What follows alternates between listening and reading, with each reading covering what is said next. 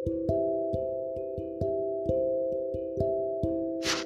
guys. Jadi aku pengen buat podcast Tapi nanti pas aku pulang ngaji Aku bakal buat podcast baru. Dan podcastnya ini aku belum tahu tentang apa. Tunggu aja ya podcast selanjutnya Dalam beberapa jam ke depan. Ditunggu. Bye bye